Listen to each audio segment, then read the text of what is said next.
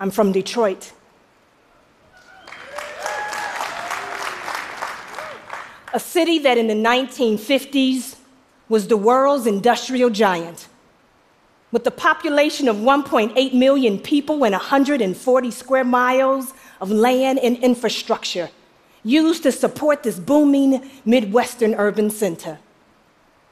And now, today, just a half a century later, Detroit is the poster child for urban decay. Currently in Detroit, our population is under 700,000, of which 84% are African American, and due to decades of disinvestment and capital flight from the city into the suburbs, there is a scarcity in Detroit. There is a scarcity of retail, more specifically, fresh food retail, resulting in a city where 70% of Detroiters are obese and overweight, and they struggle.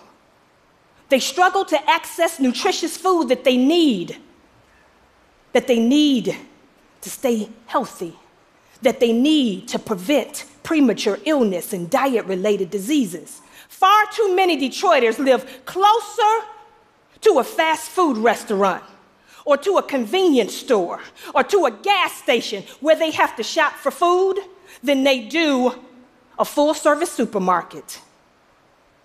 And this is not good news about the city of Detroit, but this is the news and the story that Detroiters intend to change. No, I'm gonna take that back. This is the story that Detroiters are changing through urban agriculture and food entrepreneurship. Here's the thing because of Detroit's recent history, it now finds itself with some very unique assets, open land being one of them. Experts say that the entire cities of Boston, San Francisco, and the borough of Manhattan will fit in the land area of the city of Detroit. They further go on to say that 40 square miles of the city is vacant. That's a quarter to a third of the city.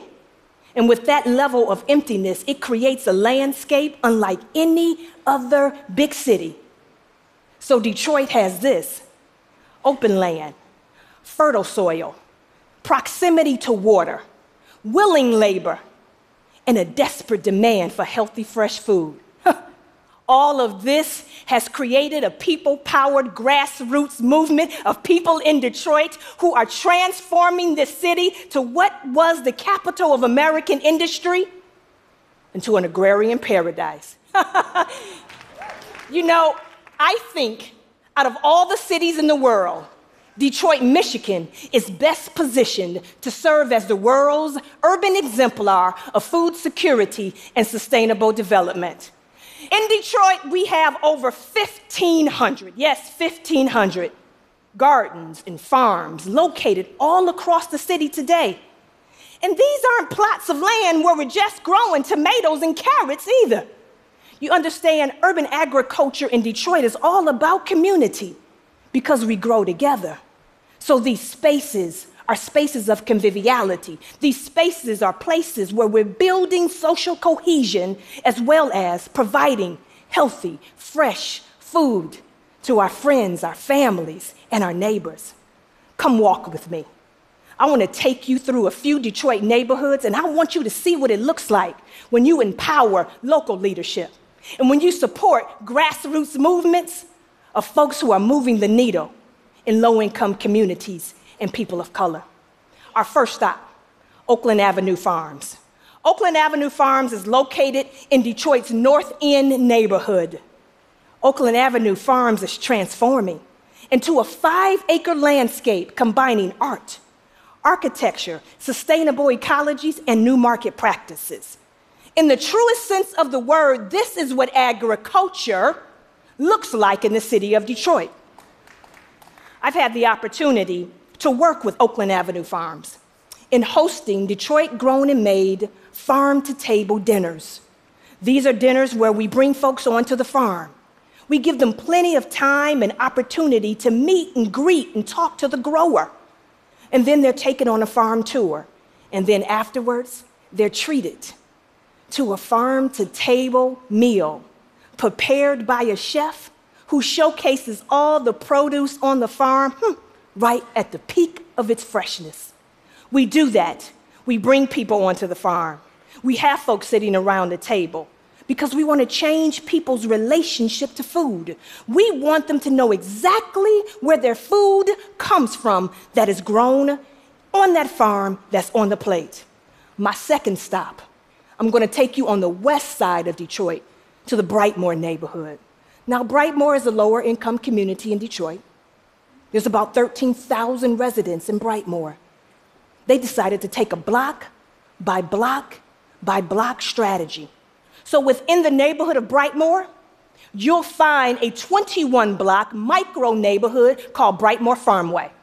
Now, what was a notorious, unsafe, underserved community has transformed into a welcoming, beautiful, safe farmway, lush with parks and gardens and farms and greenhouses. This tight knit community also came together recently and they purchased an abandoned building an abandoned building that was in disrepair and in foreclosure. And with the help of friends and families and volunteers, they were able to take down the bulletproof glass. They were able to clean up the grounds and they transformed that building into a community kitchen, into a cafe, into a storefront. Now the farmers and the food artisans who live in Brightmoor, they have a place where they can make and sell their product. And the people in the community have some place where they can buy healthy, fresh food. Urban agriculture, and this is my third example, can be used as a way to lift up the business cooperative model. The 1,500 farms and gardens I told you about earlier, Keep Growing Detroit is a nonprofit organization that had a lot to do with those farms. They distributed last year 70,000 packets of seeds and a quarter of a million transplants. And as a result of that last year, 550,000 pounds of produce was grown in the city of Detroit.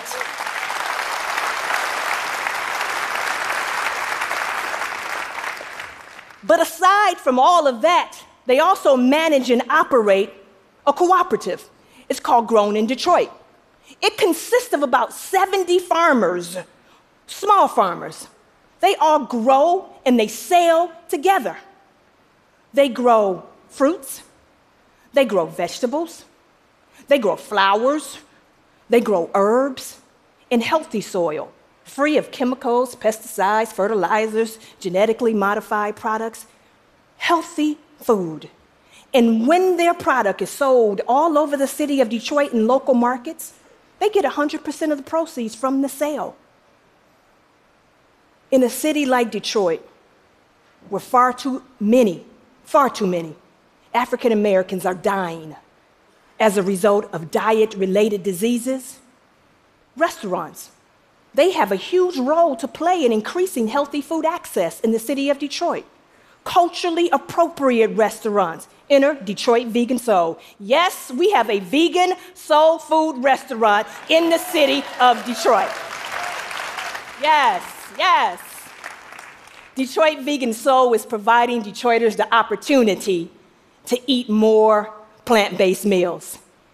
And they've received an overwhelming response from Detroiters. Detroiters are hungry for culturally appropriate, fresh, delicious food. That's why we built a nonprofit organization called Food Lab Detroit to help small, neighborhood, burgeoning food entrepreneurs start and scale healthy food businesses. Food Lab provides these entrepreneurs incubation, hands on education, workshops, technical assistance, access to industry experts so that they can grow and scale. They're very small businesses, but last year, they had a combined revenue of over $7.5 million, and they provided 252 jobs. Listen, these are just a few examples on how you expand opportunities so that everybody can participate and prosper, particularly those who come from neighborhoods that have been historically excluded from these types of opportunities. I know, I know. My city is a long way from succeeding. We're still struggling. And I'm not going to stand here on the stage and tell you that all of Detroit's problems and all of Detroit's challenges are going to be solved through urban agriculture. I'm not going to do that. But I will tell you this urban agriculture has Detroit thinking about its city now in a different way. A city that can be both urban and rural. And yes, I know these stories are small. These stories are neighborhood based stories, but these stories are powerful. They're powerful because I'm showing you how we're creating a new society left vacant in the places and the spaces that was disintegration from the old. They're powerful stories because they're stories about love. The love that Detroiters have for one another, the love that we have for our community, the love that we have for Mother Earth. But more importantly, these stories are stories on how devastation, despair, decay never ever got the last word in the city of Detroit. When hundreds of thousands of people left Detroit and they left us for dead, those who stayed had hope. They held on to hope. They never gave up, they always kept fighting. And listen, I know transforming a big city like Detroit to one that is prosperous, one that's functional, one that's healthy, one that's inclusive, one that provides opportunities for all. I know it's tough. I know it's challenging. I know it's hard. But I just believe that if we start strengthening the social fabric of our communities and if we kickstart economic opportunities in our most vulnerable neighborhoods, it all starts with healthy, accessible, delicious, culturally appropriate food. Thank you very much.